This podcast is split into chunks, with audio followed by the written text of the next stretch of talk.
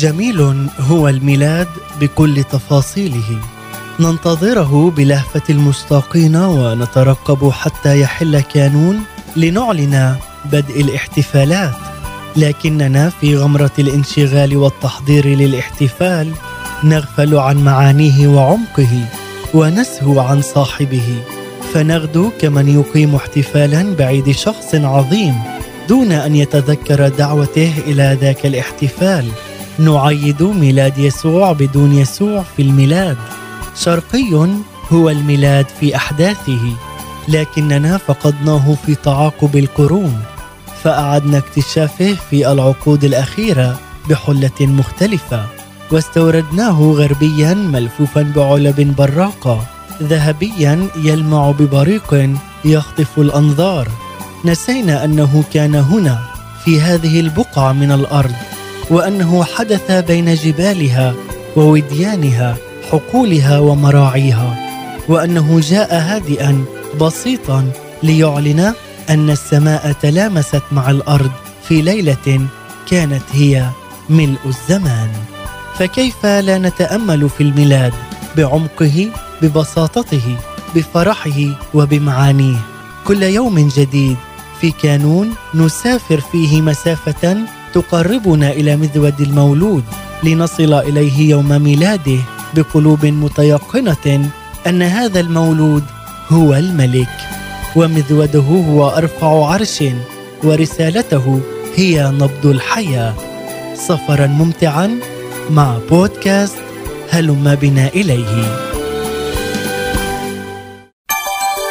أهلا بكم في بودكاست هلم بنا إليه.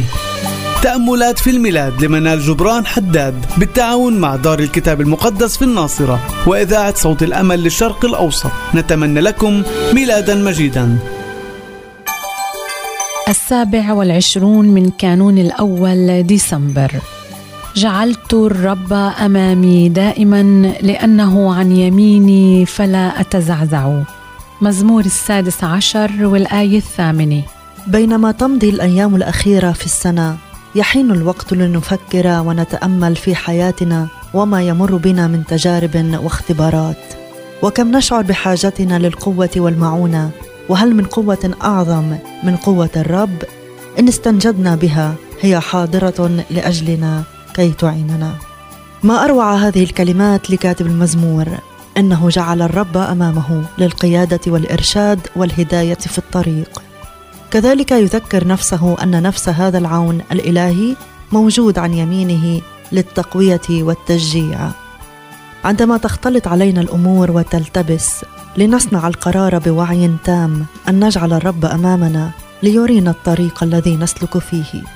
أن نأخذ وقتا ننظر فيه إلى العلاء ونطلب أن يشرق بوجهه علينا فلا نحتار أو نرتبك.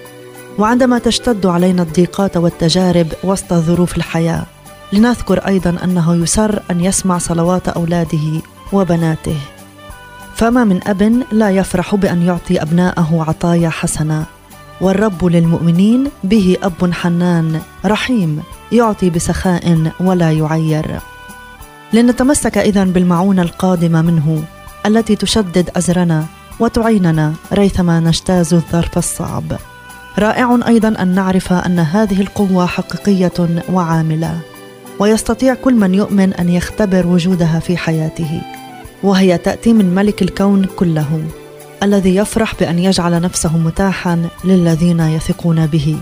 فهل نصدق وندعوه في حياتنا ليكون سندنا؟ فلا نتزعزع. نهاركم مبارك وعيد ميلاد مجيد. نشكركم على حسن المتابعة لبودكاست هلم بنا إليه. للمزيد تابعونا من خلال محرك البحث إذاعة صوت الأمل.